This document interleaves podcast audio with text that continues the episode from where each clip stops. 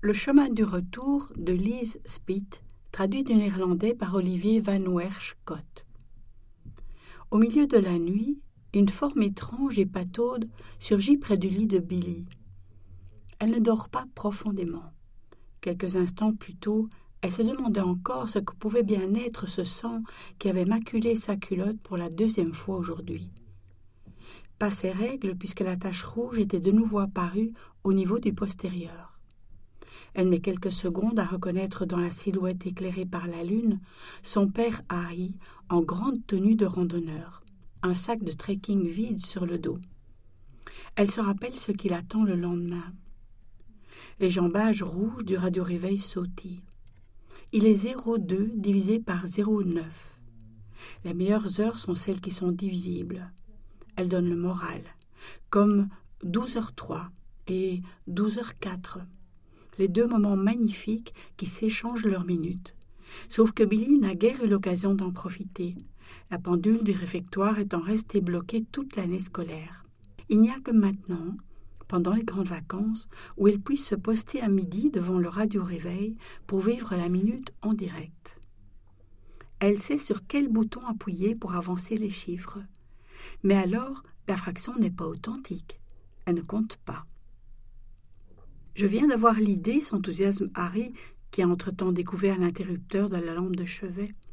La solution au mal de dos. Une invention formidable, pas vrai?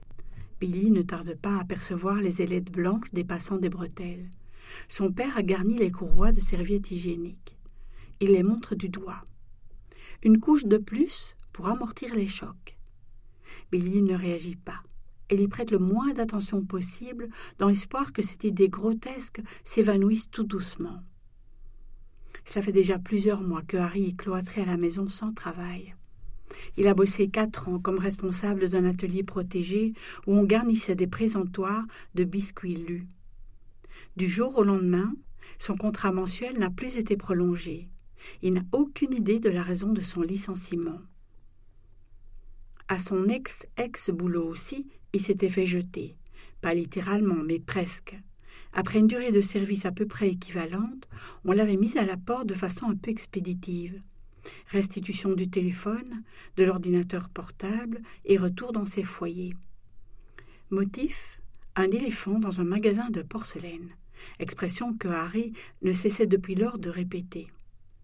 Consternation, puis rage de plus en plus violente, jusqu'à ce que le mobilier la vaisselle y passe et qu'il engage un avocat censé décrocher une indemnité colossale, un gros homme dans un costume trop large qui avait réussi à récupérer ses propres honoraires, plus la valeur du service cassé et de la table basse disloquée. Tu es prête, Bill? Ça ne va pas être facile, tu sais. Mais pas de panique, j'ai de l'expérience. L'excitation de son père remplit Billy d'angoisse, comme s'il était un maelstrom menaçant de l'aspirer, et de dégoût, comme à chaque fois qu'il approche trop près d'elle avec son corps ou ses sentiments.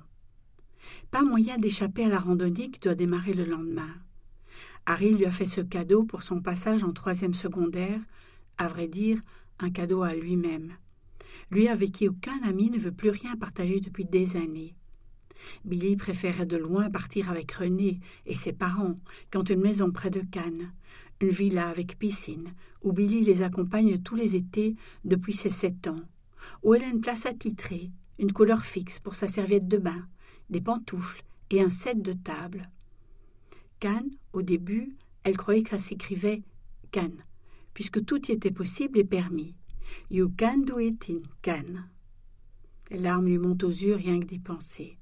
Les papotages pendant le long voyage en cabriolet vers le sud de la France, les délicieux hamburgers dans un resto les cheveux flottant au vent, l'arrivée en pleine nuit, la remontée des petites routes entre les montagnes, les papillons blancs voltant dans la lumière des phares et happis par le courant d'air au-dessus du toit, telle une neige inversée.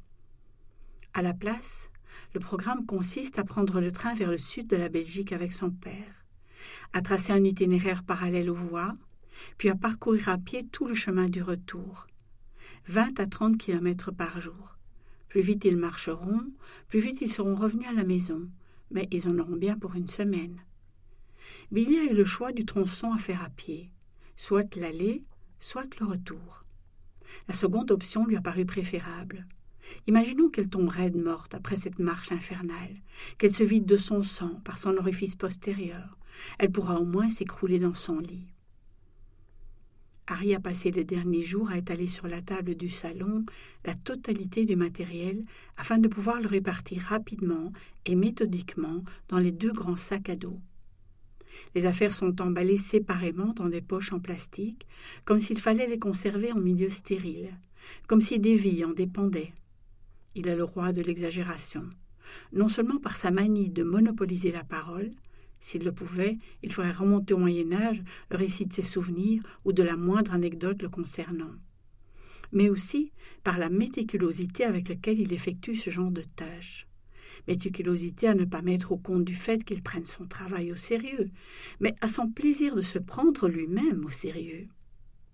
Il n'emballera le barda que lorsqu'il sera sûr que Billy l'aura vu besoin d'attention, exaspérant à première vue, mais en fait pitoyable.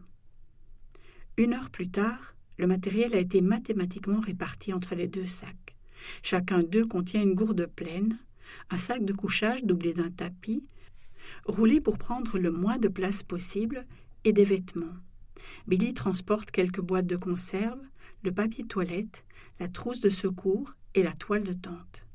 Harry se charge des montants, de la popote et du réchaud et d'une cartouche de cigarette.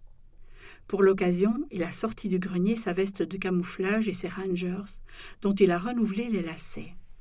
Il tient à ce qu'il n'emporte que la moitié des slips strictement nécessaires. En les portant retournés, on peut les garder deux fois plus longtemps. Papa, c'est une randonnée, pas un stage de survie, proteste Billy. Pour toute réponse, Harry rajoute à son pactage une tripotée de canifs.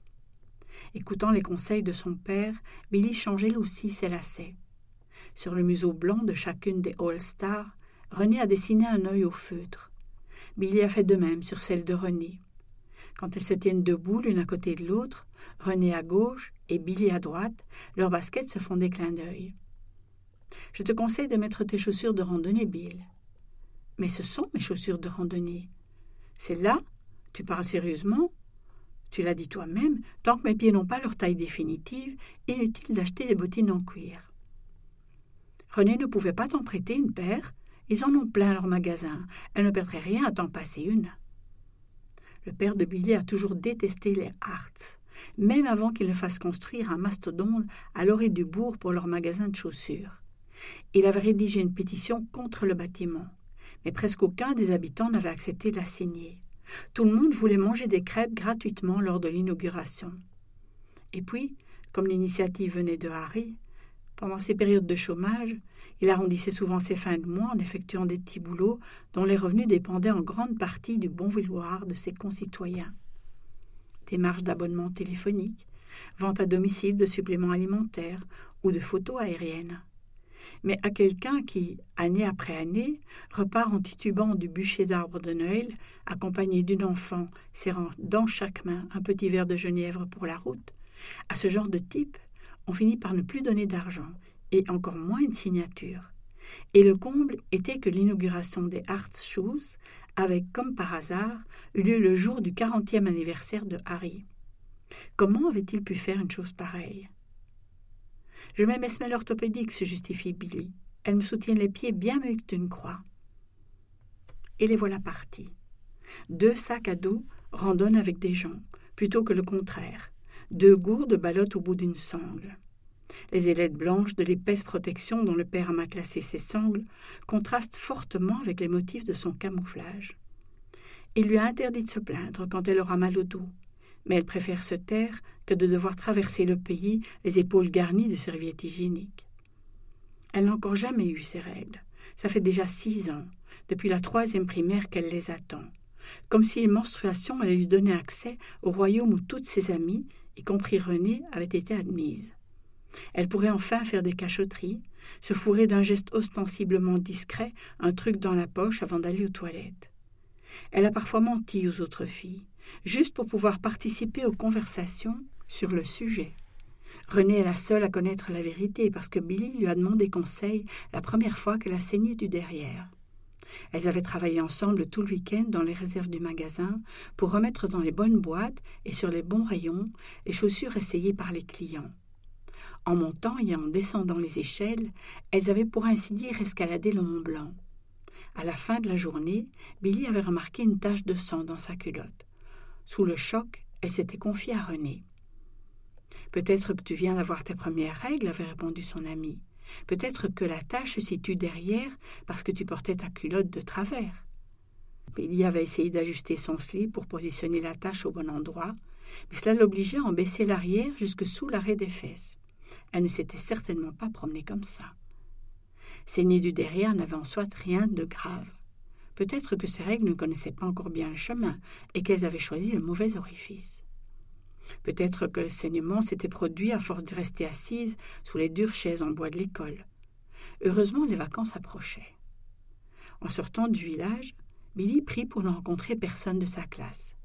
De toute façon, ils devront passer devant la boutique de chaussures et la ville voisine, car celles-ci sont situées le long de la chaussée, aboutissant à la gare quelques kilomètres plus loin. Qui sait si René n'est pas en train de charger la voiture avec son père? Par politesse, ils s'arrêteront pour faire un brin de causette, pendant lequel M. Hartz remarquera la serviette périodique. Et alors, cet été, René se laisserait peut-être convaincre par ses parents de ne plus fréquenter la fille de cet hurluberlu. Pour prier, Billy se rappelle un vers que la mère de René lui a appris le jour où elle tentait de retrouver les boucles d'oreilles de communion qu'elle avait perdues dans la piscine à balles de l'espace enfant du magasin. Saint Antoine, toi qui fais des merveilles, retrouve ma boucle d'oreille. Depuis lors, Billy invente elle-même des ribambelles de saints adaptés à ses invocations. Saint Stéphane, très cher ami, épargne-moi un zéro en chimie. Bartholomé, noble gardien, fait qu'aujourd'hui tout se passe bien. En panne de rime, elle peut toujours s'adresser à Élisabeth. Sainte Élisabeth, s'il te plaît, réalise mon souhait. Les saints n'ont pas toujours envie de l'aider. Cette fois, Elisabeth l'a visiblement à la bonne, puisqu'il ne croise aucun camarade sur le chemin de la gare, et que la famille de René est visiblement déjà partie. Aucun cabriolet en vue. L'équipée vers le sud a dû démarrer au plus profond de la nuit. La pensée de sa place inoccupée dans la voiture, le délicieux frisson causé par le départ nocturne, se caler dans les oreillers, écouter le babil de la radio, qui se met tout à coup à parler français, compter les réverbères, Rater tout ça pour la première fois, Billy en a encore mal au ventre. Les Harts vont vite s'apercevoir que son absence a du bon et qu'il profite mieux de la France sans elle. Sans rien dire, ils vont modifier le plan de table, donner son set au chien et utiliser la housse de drap achetée spécialement pour elle comme couverture de pique-nique. Elle s'efforce de chasser ses pensées négatives, qui pourraient bien être la cause de son saignement à l'anus. Elle connaît l'histoire de la malheureuse voisine qui se plaignait tellement de tout qu'elle avait attrapé un cancer de la gorge. Il règne une fraîcheur matinale. La brume qui nappe les champs doit encore se dissiper sous le premier rayon du soleil. Un avant-goût de ce qui attend Billy, d'après Harry. Sa lèvre supérieure se couvre de gouttes de sueur qu'il essuie avec un mouchoir roulé en boule. Ça fait déjà deux fois qu'il a décrété une pause cigarette. Je porte bien plus de kilos que toi, fanfaronne-t-il il oublie l'avantage qu'il tire de son gros ventre, qui fait contrepoids au lourd sac de trekking. Pour conserver son équilibre, l'adolescent doit marcher penché en avant, face tournée vers le sol. Cette position est d'autant plus désagréable que le père de Billy, qui a enclenché le mode guide avant même le début du parcours, désigne à l'attention de sa fille une foule de choses vers lesquelles elle se doit de lever les yeux. En retard de quelques minutes, le train s'immobilise en gémissant. Harry laisse échapper un juron parce que les portes ne se trouvent pas juste en face de lui, mais quelques mètres plus loin. Aux fenêtres du wagon délabré pendent des rideaux bleu marine dont les plis obliquent légèrement dans le sens contraire de la marche. Billy associe leur va-et-vient une danse d'écolière en uniforme. Jusqu'à la deuxième primaire, l'école avait obligé les élèves à porter des jupes plissées bleu marine. Puis, le port de l'uniforme avait été aboli. Billy n'ayant guère d'autre habit convenable, son père avait exigé qu'elle continue à porter sa jupe et son polo blanc. Il appelait ça le droit à l'uniforme. Pour épargner à Billy la honte d'être la seule à conserver cette tenue, Madame Hartz avait transmis à Billy les anciens vêtements de la grande sœur de René. Ils étaient tellement beaux et pimpants que la gestuelle de Billy s'était modifiée. Pendant la réunion parents-prof, l'enseignant référent avait d'ailleurs expliqué à Harry qu'il pourrait envisager de l'inscrire au cours de danse. Tu sais de quoi j'ai envie? demande Harry. D'un bâton de réglisse.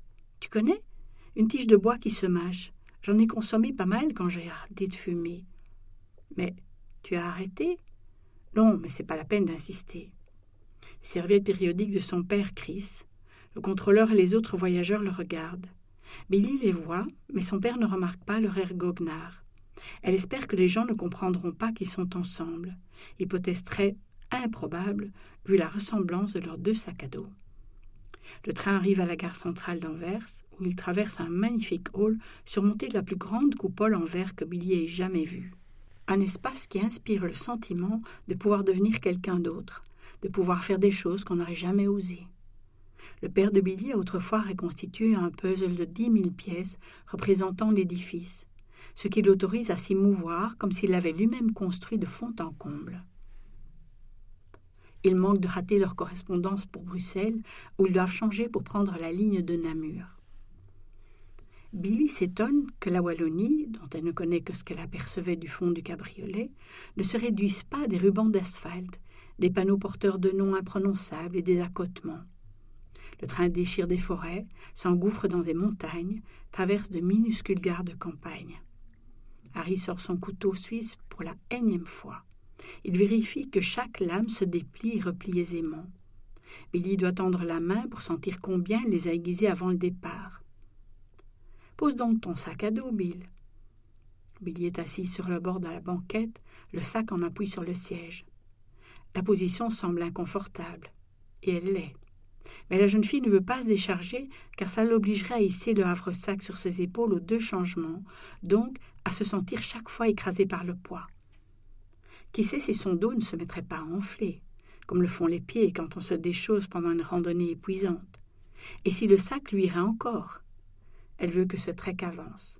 Elle veut l'expédier en moins de deux, ce qui implique l'acceptation d'une certaine dose d'inconfort et le renoncement à toutes les tentations pouvant se présenter durant l'itinéraire. À Namur, ils montent dans un tortillard qui les emporte de plus en plus au sud, dans un paysage vallonné. Dans le wagon, il n'y a que et une femme portant une grande poche plastique qu'elle serre anxieusement contre elle. Plus que trois arrêts. Harry veut descendre à Carlsbourg parce qu'il aime cette bière. Qui sait s'il n'y a pas une brasserie quelque part sur une colline Il pourrait rendre visite aux moines. Godin, dit Billy sur le panneau indicateur d'une petite gare où le train s'arrête sans que personne ne monte ni ne descende. Pas de doute, c'est sûrement une très gentille sainte. Revenir en arrière harnaché de son pactage semble à Billy de plus en plus impossible. Non seulement impossible, mais de plus inutile. Pourquoi marcher alors qu'il suffit de prendre le train? Sainte Godine soit conciliante. Égare, s'il te plaît, notre tante. Ce soir, vers six heures, les Harts arriveront à Cannes. Ils entreront dans la maison et ils vérifieront que rien n'a changé depuis le précédent départ. Ils ouvriront les volets et enlèveront les protections des meubles. Tout le monde fera son lit et rangera ses vêtements dans son armoire. À l'heure convenue, la famille se réunira autour de la voiture pour aller manger une pizza au village. René aime les cœurs d'artichaut. Elle et Billy se partagent toujours une grande pizza. Sainte Godine m'a bien aimée. File à mon père une chiasse carabinée. Sa main la démange encore légèrement dans la zone où son père a appliqué le couteau. Les cœurs d'artichaut, les feuilles parfaitement disposées au centre, elle a du mal à retenir ses larmes. Mais ils viennent d'arriver à Karlsbourg. L'idée la réconforte car il s'agit du point de leur itinéraire le plus distant. Ils sont dorénavant sur le chemin du retour. Et c'est parti. Ils déjeunent d'abord tous les deux d'un currywurst dans une baraque à frites, où ils pressent Billy, sans succès, de goûter à sa bière. Puis ils traversent un pont à la sortie du village. Ils marchent du côté gauche de la route, le bon côté selon Harry, mais il a besoin de beaucoup de mots pour expliquer pourquoi. Au bout d'une demi-heure, il décide que Billy doit lui remettre sa montre. Elle apprendra à lire l'heure en observant sa boussole et la position du soleil. Partir sans René n'était déjà pas drôle, Mais maintenant, le voyage devenait un pur pensum. Au moins, avec elle, ça aurait pu être amusant, perdre la notion du temps, se fier à d'autres aiguilles. Billy avait bien essayé de convaincre René de l'accompagner, mais sa camarade ne tenait pas du tout à partager l'attente du paternel. Billy l'avait supplié. Elle ressentait la même chose, mais l'argument n'avait pas porté. Aussi avait-elle proposé en vain de lui céder l'intégralité de son argent de poche. Billy avait gagné cet argent en travaillant dans la boutique des parents de René, et elles avaient eu chacune leur part. Le seul avantage de ce refus est que Billy fait des économies puisqu'elle ne dépense pas sa paye. À la limite, on pourrait dire qu'elle gagne de l'argent en randonnant seule avec son père. Tout au long du trajet, Billy et Harry cheminent à proximité de la voie. Depuis les airs, ils doivent donner l'impression de danser avec elle. Parfois ils marchent d'un côté, parfois ils changent de bord en traversant un passage à niveau, parfois ils se retrouvent sur un chemin plus élevé, offrant une vue sur les méandres des rails. Harry n'arrête pas de parler. Lui aussi partait autrefois camper avec son père, sur les bords de l'Ourthe. Il a fait la même expérience. À l'âge de seize ans, il a campé une semaine en forêt, et ce furent les plus beaux jours de sa vie. Il veut que Billy comprenne ce qu'il a vécu. Il veut qu'elle s'identifie à celui qu'il était à cet âge. Il veut à toute force obtenir son admiration pour ce qu'il a été, parce qu'il n'en a reçu presque aucune de ses propres parents. Dès que Billy se représente son père en petit garçon, en enfant d'un père semblable à celui qu'il est maintenant, en ado de seize ans, ravagé par une abominable acné dont il a conservé de multiples petites cicatrices et qui a sûrement constitué la vraie raison de sa semaine de camping en solitaire, son irritation contre son père se mue en apitoiement.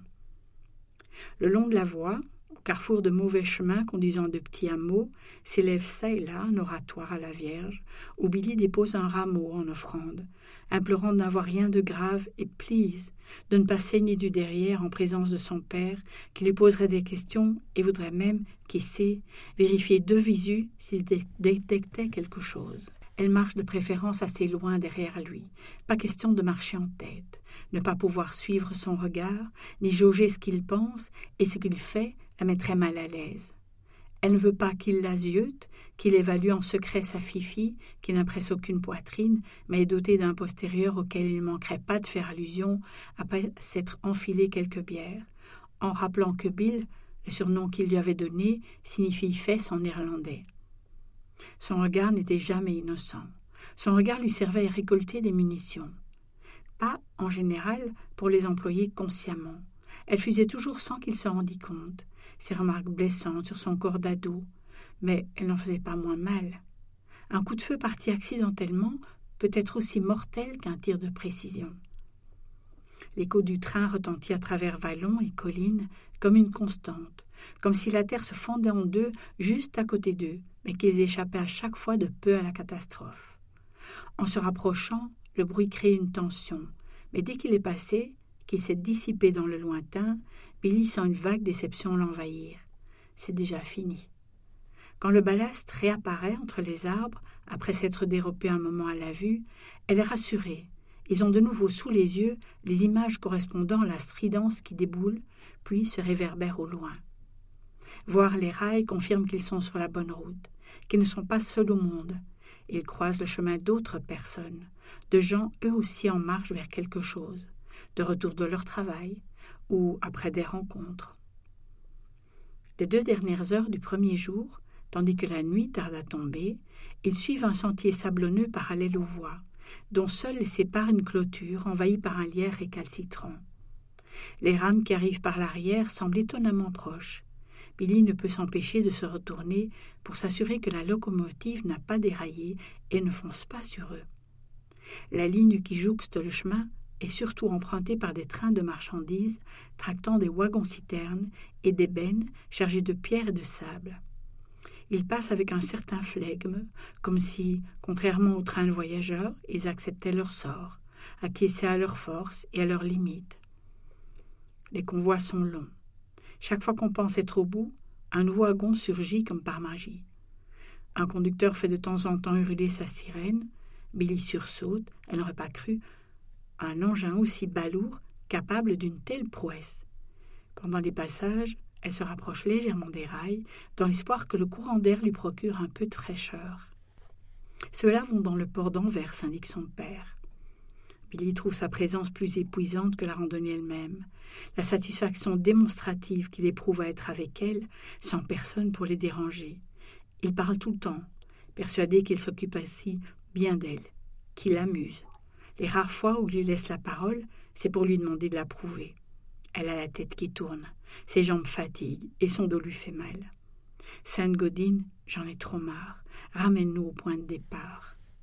À la fin de la journée, il faut trouver un emplacement pour la tente. Le camping sauvage étant interdit, celle-ci doit être dressée à l'abri des regards. Dès que quelques arbres font mine de s'attrouper en un rideau protecteur, Harry inspecte les lieux.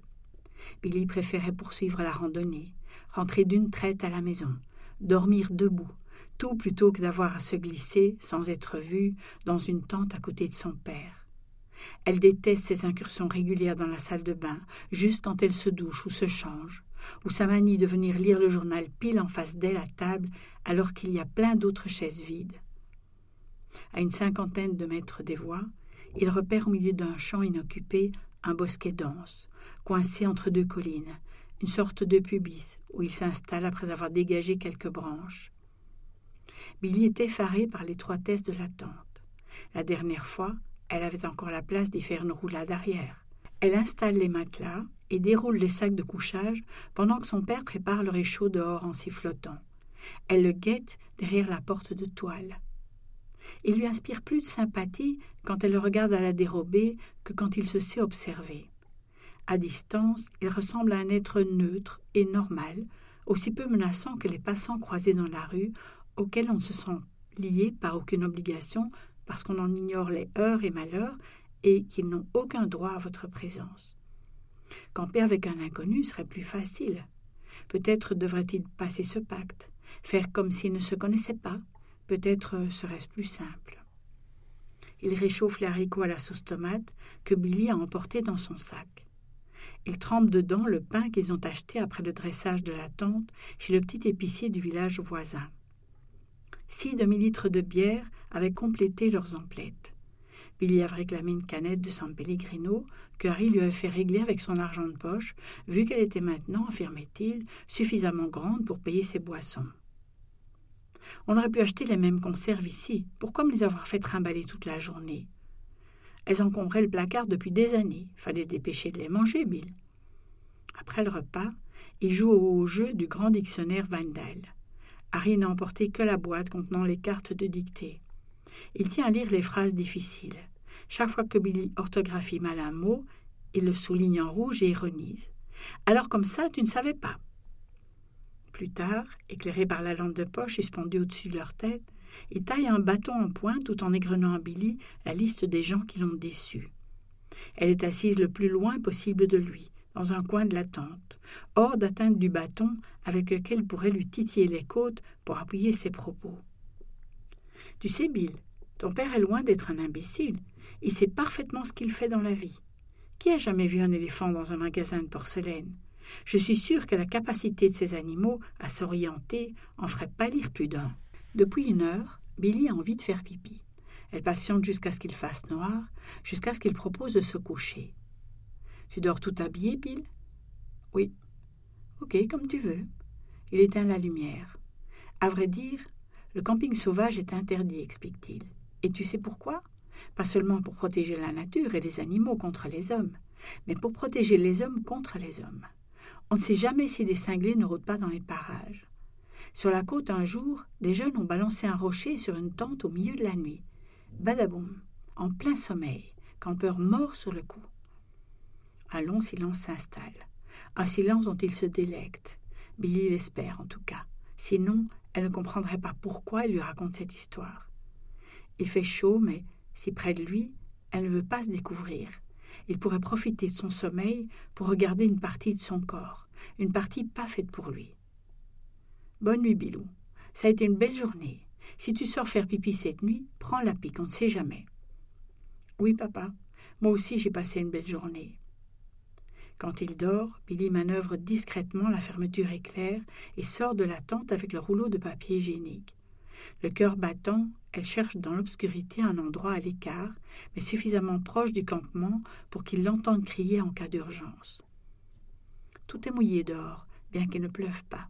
Le bâton pointu qu'elle tient dans la main lui donne encore plus envie d'être, pas forcément chez elle, en tout cas ailleurs qu'ici. Billy se penche, cherche à la lumière de sa lampe un endroit sans chardon ni ortie. Elle reste un moment accroupie avant qu'il sorte quelque chose. Pardon, murmure-t-elle à son pipi, pardon de t'avoir fait attendre si longtemps. Un convoi roule un peu plus loin. Le souffle, les trépidations de l'acier. Comme elle porte une culotte noire, elle a du mal à voir si elle a saigné. Elle glisse sa main sur ses fesses, les touche pour détecter une trace de sang, insère un morceau de papier hygiénique, s'essuie, braque sa lampe sur la feuille. Rien. Heureusement. Elle doit tenir le coup une semaine. Comme on retient sa respiration pendant le passage d'un train, juste un peu plus longtemps, serrer les dents en espérant que les saignements ne recommenceront pas, elle devrait y arriver. Elle peut détendre la sangle de son sac à dos autour de sa taille. Ses épaules supporteront plus facilement le poids que son ventre. Ça la soulagera. Elle essaye de penser à Cannes, tellement fort qu'elle sera peut-être un peu présente là-bas, que l'univers se courbera et que les Harts se mettront soudain à parler d'elle, à la regretter. René avait dit qu'elle pourrait s'écrire, mais où Billy aurait-elle retiré son courrier? Pendant le reste de la nuit, elle discute avec les saints, leur réclame toutes sortes de choses, se réjouit de trouver des rimes et un patron adéquat pour toutes ces demandes. Les deuxième et troisième jours sortent du même moule que le premier, seul l'emballage diffère. Les noms des localités traversées et les paysages varient. Une désespérante monotonie s'installe, un pas après l'autre, une heure après l'autre, un champ après l'autre, une côte après l'autre. Le dos de son père en ligne de mire et les caténaires tendus tantôt à droite, tantôt à gauche. Dans chacun des villages où il passe, Harry achète une ou deux canettes de bière pour la route. Dès que défile un train transportant des voitures, il se met à parler allemand, comme si Billy et lui étaient des collègues engagés par le Deutsche Bahn pour évaluer les performances de la compagnie. La jeune fille caresse l'idée de l'abandonner, de tourner les talons et de repartir vers le sud, ou de se faufiler hors de la tente pendant la nuit. Elle serait portée disparue et ressurgirait quelques semaines plus tard à Cannes. Mais elle ne peut pas.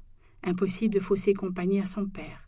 Il serait tout à fait capable de terminer la randonnée en solitaire, aiguisant son bateau et ruminant l'idée que la dernière personne à qui il faisait confiance a finalement laissé tomber. Grâce à sa boussole, Billy situe toujours précisément la France. Elle s'imagine métamorphosée en oiseau migrateur, volant vers ce pays avec ses congénères, délivrée à tout jamais de l'obligation de se décarcasser pour satisfaire les autres. Les trains procurent une distraction bienvenue. Ils leur imposent silence. Billy elle-même s'arrête un moment de pensée.